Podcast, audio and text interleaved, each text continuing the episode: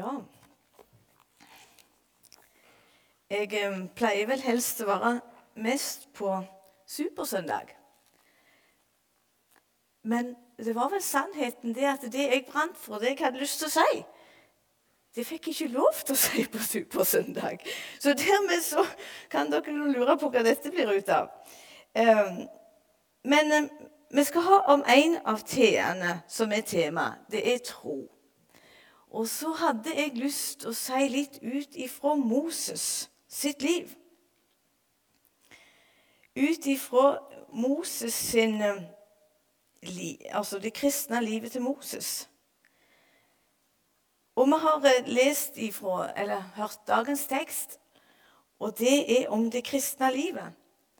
Jeg følger en bibelleseplan, og den har helt ifra tirsdag konsentrert seg om det praktiske gudslivet vårt. til kristenlivet i hverdagen. Også i går var leseteksten fra Mikas om å vandre ydmykt med din Gud. Og det står mye i Bibelen om det kristne livet praktisk. Skremmende mye. Enten vi vil det eller ei, så står det skremmende mye. Og så hadde jeg lyst til å se litt på hva vi kan lære av Moses, hans tru, og det han ikke skulle tro på. Skal vi be. Kjære Jesus, takk for at du er profeten. Du er den som ble sendt til jord. Du er den sterkeste. Takk, Jesus, for at du er her. Nå ber jeg om at det må bli dine ord og ikke mine ord. Du ser det er mange tanker som svirrer opp i hodet. Herre, om du kunne ta de ned én etter én, sånn som du ville. Amen.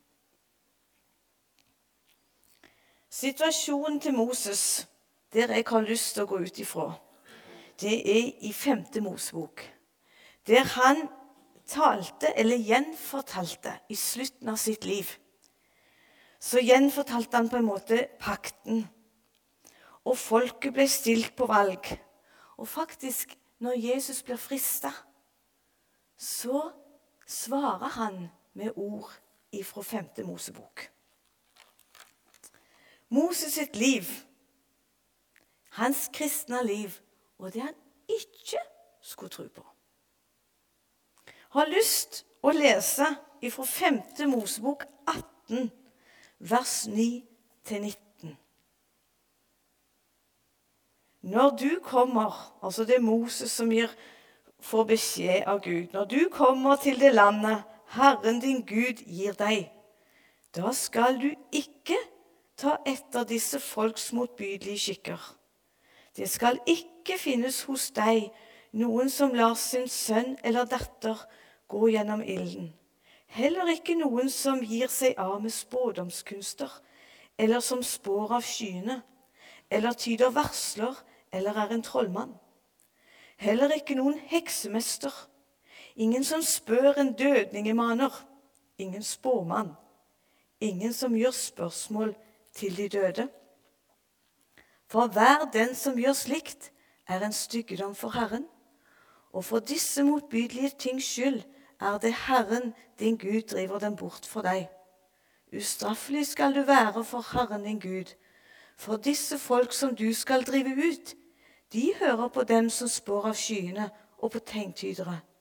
Men deg har Herren din Gud ikke tillagt slikt. En profet av din midte, av dine brødre, liksom meg, skal Herren din Gud oppreise for deg. På ham skal dere høre. Slik som du ba Herren din Gud om Behoreb den dagen dere var samlet der, og du sa, Jeg kan ikke lenger høre på Herrens, min Guds røst. Og denne store ild kan jeg ikke lenger se på, for da må jeg dø. Da sa Herren til meg, De har talt vel i det de har sagt. En profet vil jeg oppreise for dem, av deres brødre like som deg.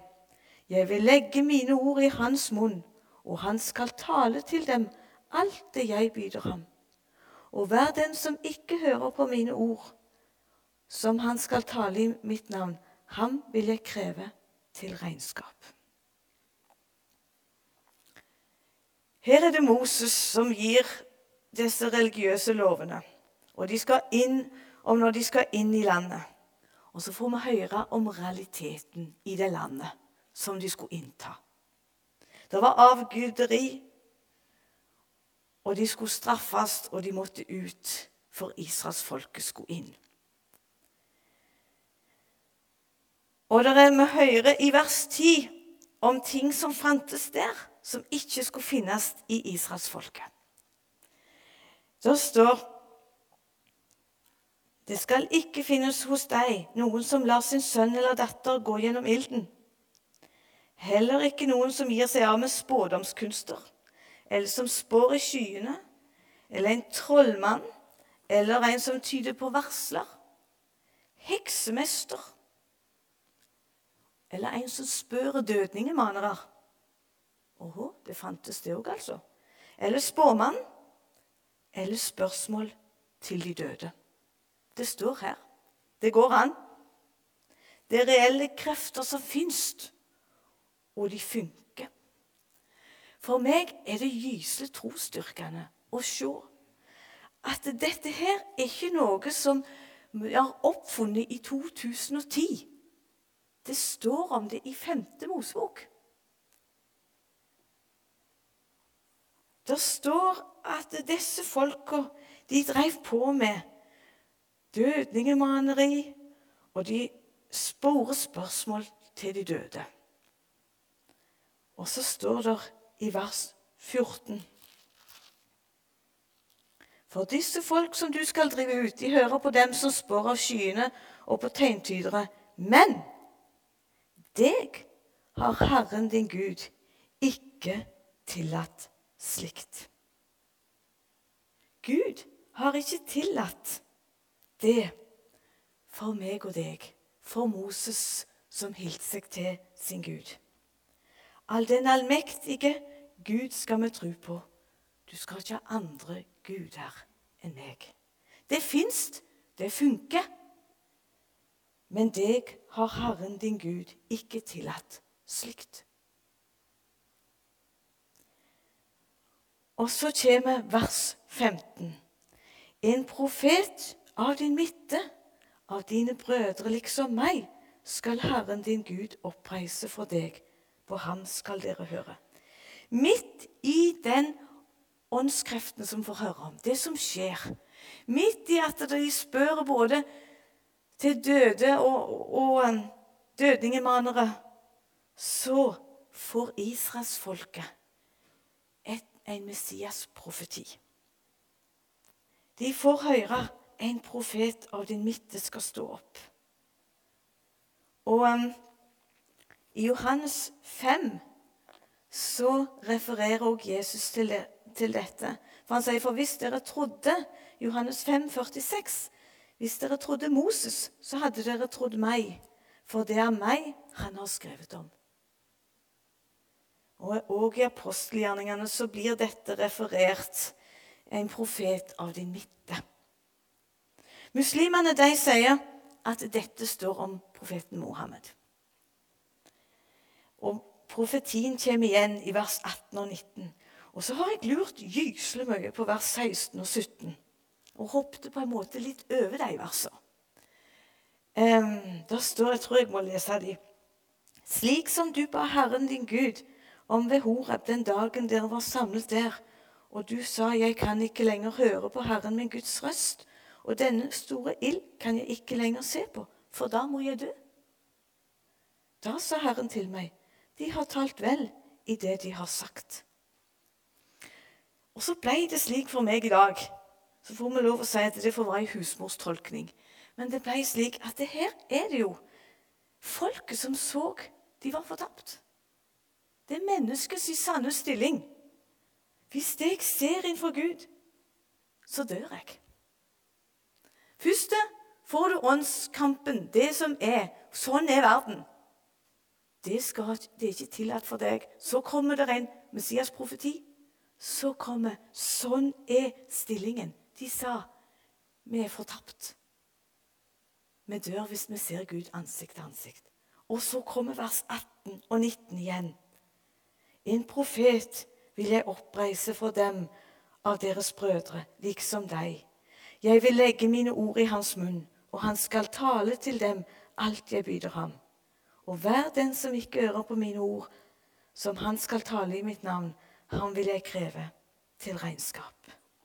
Det er om Jesus. Det ser vi også på Forklarelsesberg. Og så får vi bare to muligheter i vers 19. Den som ikke tror, skal bli til regnskap. Bli satt til regnskap. Og da må vi ha med oss Johannes 3, 18. Den som tror på Han, blir ikke dømt. Den som ikke tror, er allerede dømt, fordi han ikke har trodd på Guds enbårne sønns navn, profeten ifra hans midte. Jeg syns det er så fantastisk jeg, å se i femte Mosebok, der jeg ofte tenker nei, dette forstår jeg ingenting av, og så få se på en måte den sanne stillingen, hvordan det var, og så kommer Jesus inn der, profetien om han. Israelsfolket får her ramsa opp realiteten, åndsmakten som var. Åndeherren. Og for dette folket som bodde i det landet, så var det praktisk hjelp i hverdagen. Det virker sånn. De som de skulle drive ut. De gikk sikkert til spåkoner. De gikk og spore de døde. Og de til og med var folk som var dødningemanere. Og så fikk de beskjed om Israel dette skal du ikke tro på. Profetien om Messias, profeten, seierherren, Guds sønn. Skulle Israel få tro på. Og så kan vi lese om denne her åndsmaktkampen mange plasser. Både i tredje Mosebok og Jeg har lyst å nevne 1. Samuel 28. Det er gjerne flere med meg som ikke har lest så gyselig mye den historien der. Saul hadde utrydda dødningemanerne, står der. Han hadde hevet dem vekk. Og så hadde han Jeg skal bare si litt, for dere leser det sjøl. jeg har ei, ei, som ble en kristen. Hun begynte å lese Bibelen ifra begynnelsen og så ut gjennom. Hun kom til 1. Samuel 1, ja, 1. Samuel 28. Når de begynte å ta opp de døde, da tenkte hun nei, nå får jeg slutte. Men sånn må det ikke bli med meg og deg. Men Saulus hadde utrydda dødningemanerne. Og så står det at Herren hadde veket vekk ifra Samuel. Han hadde gått vekk ifra Herren. Sånn at han hadde ikke kontakten med Herren. Og så var han i nød. Hva skal jeg gjøre? Og så sporer han rådgiverne sine. Er det ei som kan mane opp de døde? Ja, da bor ei der og der. Så kledde han seg ut, og så gikk han. Og Så kom han til denne her, og så sa hun det at ja, men det er jo livsfarlig. Saul har jo ryddet ut alle. Jeg kan ikke gjøre dette. Så sier jeg ja, men jeg skal garantere. Du skal ikke lide for dette. Og Så spør jeg hvem vil du jeg skal kalle på. Og så sier han Samuel. Og så står det i Bibelen at hun hylte høyt. Og så sa hun, 'Du har løyet for meg. Du er jo Saul.' Hun kunne se det. I denne åndskreftene så vet de hvem seierherren er. Og så så hun, og så sa hun det at det, er jo Så sa hun, 'Hvordan ser han ut?' Jo, så var det Samuel. Så kom Samuel og snakket med Saul. Så sa han, 'Hvorfor har du kalt på meg?' Jo, for Herren svarer meg ikke. Ja, men da skal du ikke komme til meg. Og så vet vi at Saul fikk dommen, og så døde han. Var det vel dagen etterpå. Så har jeg tenkt på Hvorfor står dette i Bibelen? Hæ? Saul? Så snakket med Samuel opp av de døde. Vi har mest lyst til å si til nei. Hallo, du, det der. Sånn? Men hvorfor står det i Bibelen? Jeg syns det er flott å stå der. Det er til lærdom for meg og deg.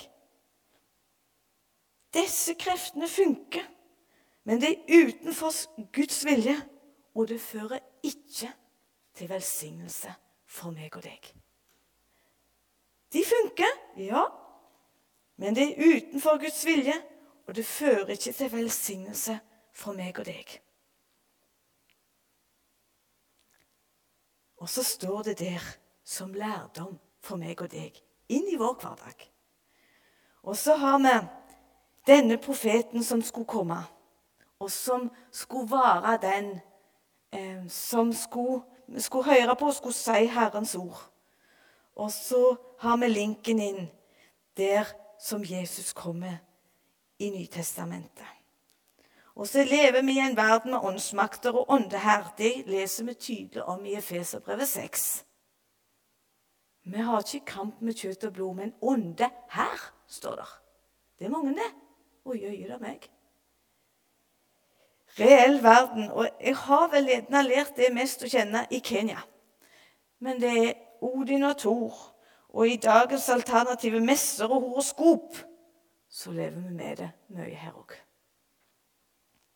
Og så er det profeten av din midte som vi møter utrolig mange ganger når han møtte disse maktene. Når han I vår andakt i dag så var det òg om når Jesus møtte en, blind, en som var stum, men besatt. Og når han, Det kan vi lese veldig mye om i Lukas 8, Matteus 8, i Markus 5. Og når han møtte disse besatte Vi ser det så veldig ofte. Profetene ifra deres midte, altså Jesus, han møtte òg denne åndsmakta som var. Og så ser vi at disse åndskreftene de kjente Jesus igjen, og så sa de, 'Du er Guds sønn. Er du kommet for å plage oss?' så er han en plass. Og så kan vi lese mye om det. Og så Hvis du da leser henvisningene, så finner du utrolig mye om Jesus som møtte denne åndsmakta. Og så er han Jesus den sterkeste seierherren. Og da må jeg få lov å lese et av de som for meg er et av de klareste versene. Det er Kolosserbrevet 2. Og da må vi ha med vers 13-15. Også dere var døde ved deres overtredelser og uomskårne kjøtt. Men Gud gjorde dere levende sammen med Kristus idet han tilga oss alle våre overtredelser. Han utslettet skyldbrevet mot oss, som var skrevet med bud. Akkurat som israelsfolket fikk beskjed om de var, så de var fortapt. Det som gikk oss imot, det tok han bort da han naglet det til korset. Og så Han, altså Jesus, avvæpnet maktene og myndighetene og stilte den åpenlyste skue da han viste seg som seierherre over dem på korset. Han er seierherren over alle de vonde maktene.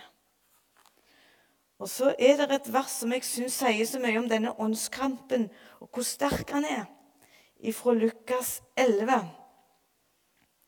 Når den sterke, vokter, sterke med våpen vokter sin egen gård, får eiendommen være i fred.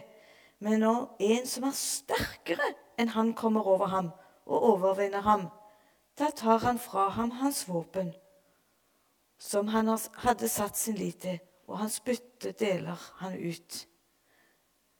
Jeg tror jeg trong en stund før jeg skjønte de versene der. Den sterke, det er djevelen.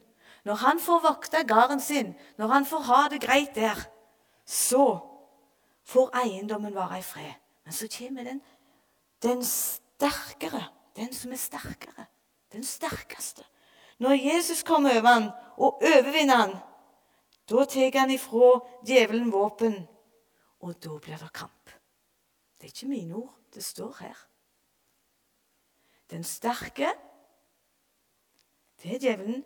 Men den som er sterkest, det er Jesus. Meg er gitt all makt. Dette er grunnlaget. Det er profeten. Jesus, den største av alle, frelseren min, som kom. En profet av din midte, som Moses snakket om. Og så tenker du kanskje det. Ja, ja. Moses' i tid var kamp. Saul strevde med dødningemanerne, han. Jesus, ja, da var det mye besatt og sånn. Og det har vi lest om, og det tror vi på. Men det er noe annet i dag. Det er ikke slik her på Sandnes. Hvis vi skal tro Efeserbrevet 6, så er det akkurat de samme åndsmaktene som er der nå. Så det står ikke noe at det er oppheva. Og du skal ikke se mye på fjernsyn når vi kommer hjem, så skulle vi jo prøve å bli litt Vi ser ikke mye fjernsyn, det, må, det gjør vi ikke. Men jeg måtte, måtte, jo prøve å følge litt med hva som gikk. Og da var det en som ropte 'Helga, du må komme og se'. Og så så vi litt av åndenes makt. Og for oss så ble det jo akkurat som trollkvinna i nabohuset på Vema. Satt der uten TV-kamera.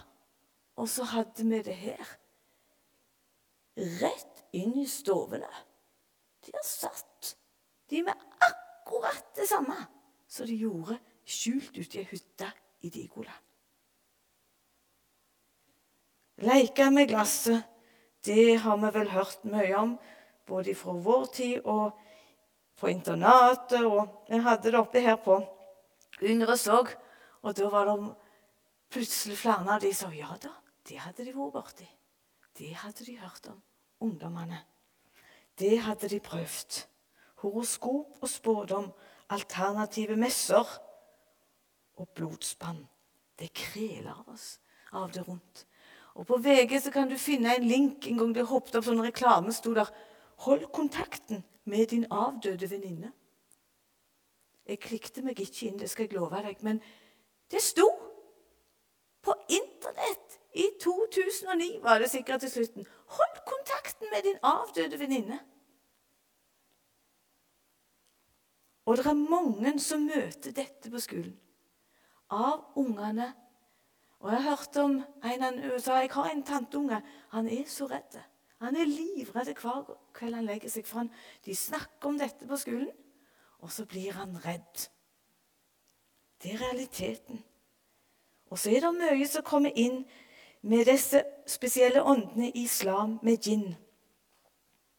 Alt dette leder inn i forbindelse med onde krefter. Jeg er redd. Vi ser litt. Det virker så uskyldig. Nei, nei, det er ikke, vi har ikke noe med det med. Vi tror ikke på det. Og så kan det lede til så mye mer.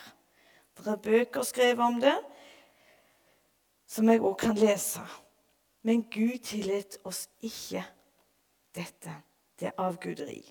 Og så hadde jeg lyst til å ta med bitte litt om det som gjerne gjør at jeg tenker en del på dette.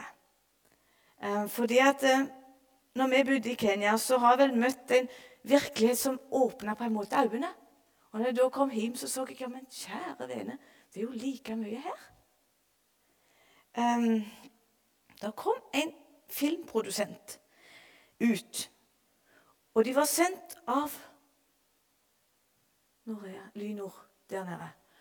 Og jeg tok det som selvsagt Jeg var jo tosje nok, men jeg tok det som selvsagt at disse var kristne. Og bare tenkte sånn. Og, og snakket vet du, oppe på misjonsstasjonen og la ut om sånn og sånn funker det her. Og, og røyking og greier og greier. Og ja, ja Nei, men jeg er ikke en kristen, sa hun. Å nei, nei. Og det var hun åpen med. Men når vi hadde gått rundt til disse venninnene mine Hun andre som var med der, var en kristen. Så ble denne her jenta forkjølt, og jeg tenkte ikke noe over det. Um, så sa hun det. Hadde hun sagt det med venninna si, og så sa hun det. Dere har en beskyttelse som jeg ikke har. Hun var et par og tjue år. Norsk, etnisk norsk. En beskyttelse som jeg ikke har. Jeg har aldri trodd på sånn før, sa hun. Men jeg ser det, og jeg merker det. Jeg tenkte ikke over men hun kjente det. At her var det en kamp, og en åndskamp, som ikke hun hadde trodd fantes. Og kunne fortalt mye, men jeg har lært der ute at jeg skal få lov å si i Jesu navn. Og så skal vi få lov å ikke være redde, for vi har den sterkeste på vår side. Vi skal vite at det fins en kamp.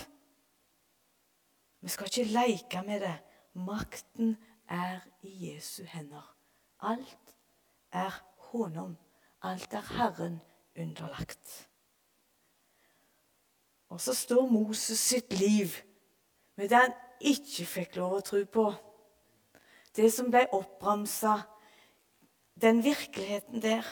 Og så står den og Saul sitt liv der for at vi skal lære, tror jeg. Og så møter vi det veldig mye blant tidligere muslimer som har tatt imot Jesus. Det er noen enorme sterke krefter som er med mange muslimske ånder, selv det som vi kaller jinn. Og det kommer enormt mye mer inn i Norge. En del av disse i Afrika som skal få påfyll på kraften sin, vet du hvor de reiser hen for å få påfyll? De reiser til Frankrike. De reiser ikke rundt i Afrika, de reiser til Frankrike.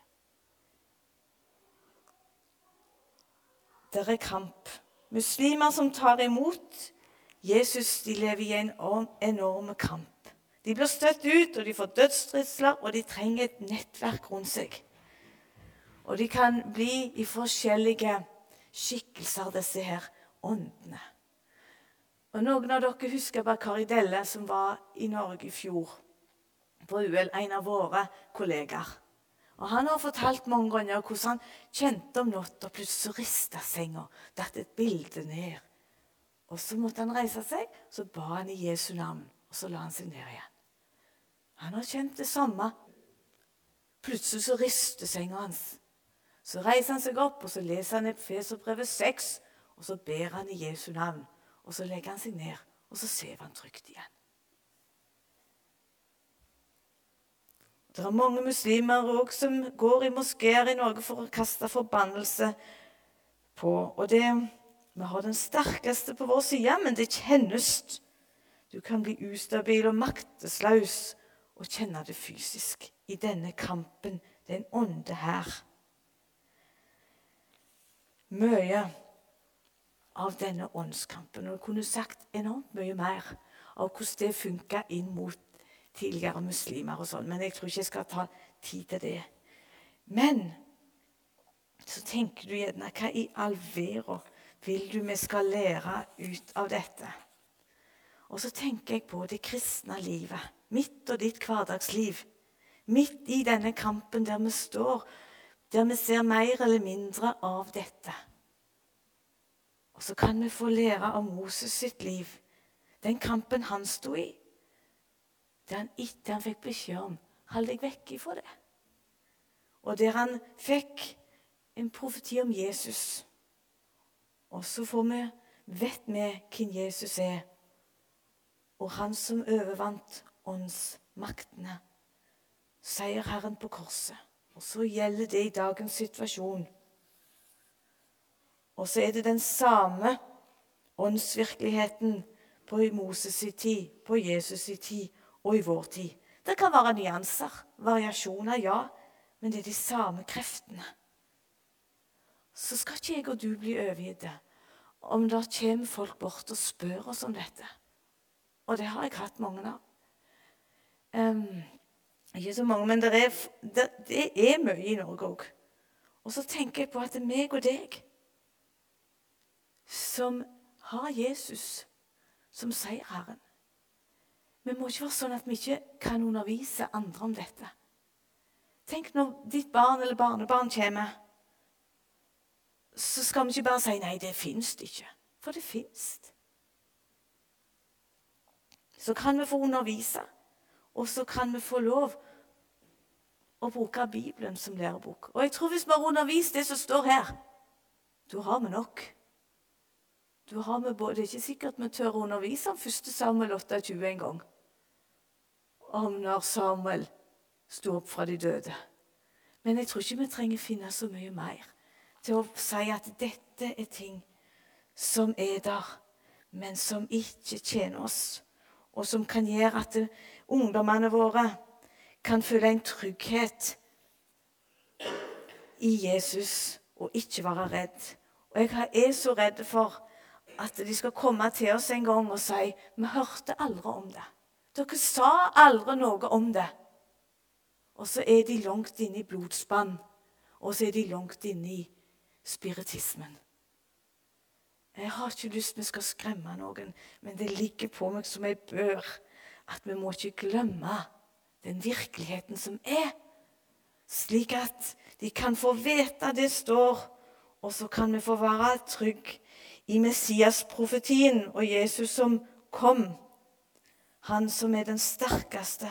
Og så skal vi ikke leke med åndskreftene. Vi skal forstå dem imot og ikke være redde.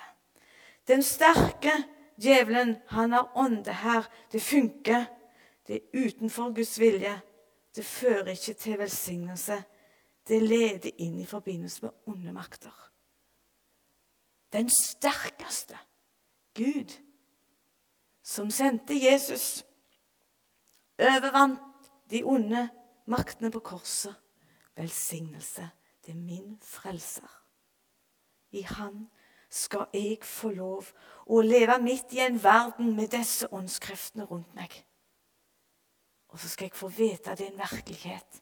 Men skal jeg få vite at når den sterkeste er der, så tar han vekk ifra den sterke. Og så skal jeg få tilhøre, være eid av den sterkeste. Han avvæpnet maktene og myndighetene og stilte den åpenlyste skue da han viste seg som seierherre over dem på korset. Takk, Jesus, for at det er sant. Og takk fordi at du kjenner hverdagen vår. Du kjenner hverdagen til de ungdommene, de voksne, de ungene her i forsamlingen vår som sliter med det, det de hører rundt omkring. Kjære Jesus, la oss få lov å peke på deg. La oss få lov å være til hjelp for hverandre òg i denne tingen. Jesus, takk fordi at du har latt det stå i Bibelen til hjelp for oss, slik at vi kan få se Jeg tror det er slik at vi kan få se enda klarere hvem du er. Kjære Jesus, jeg ber om at ditt ord må stå igjen, og ikke mine ord. Amen.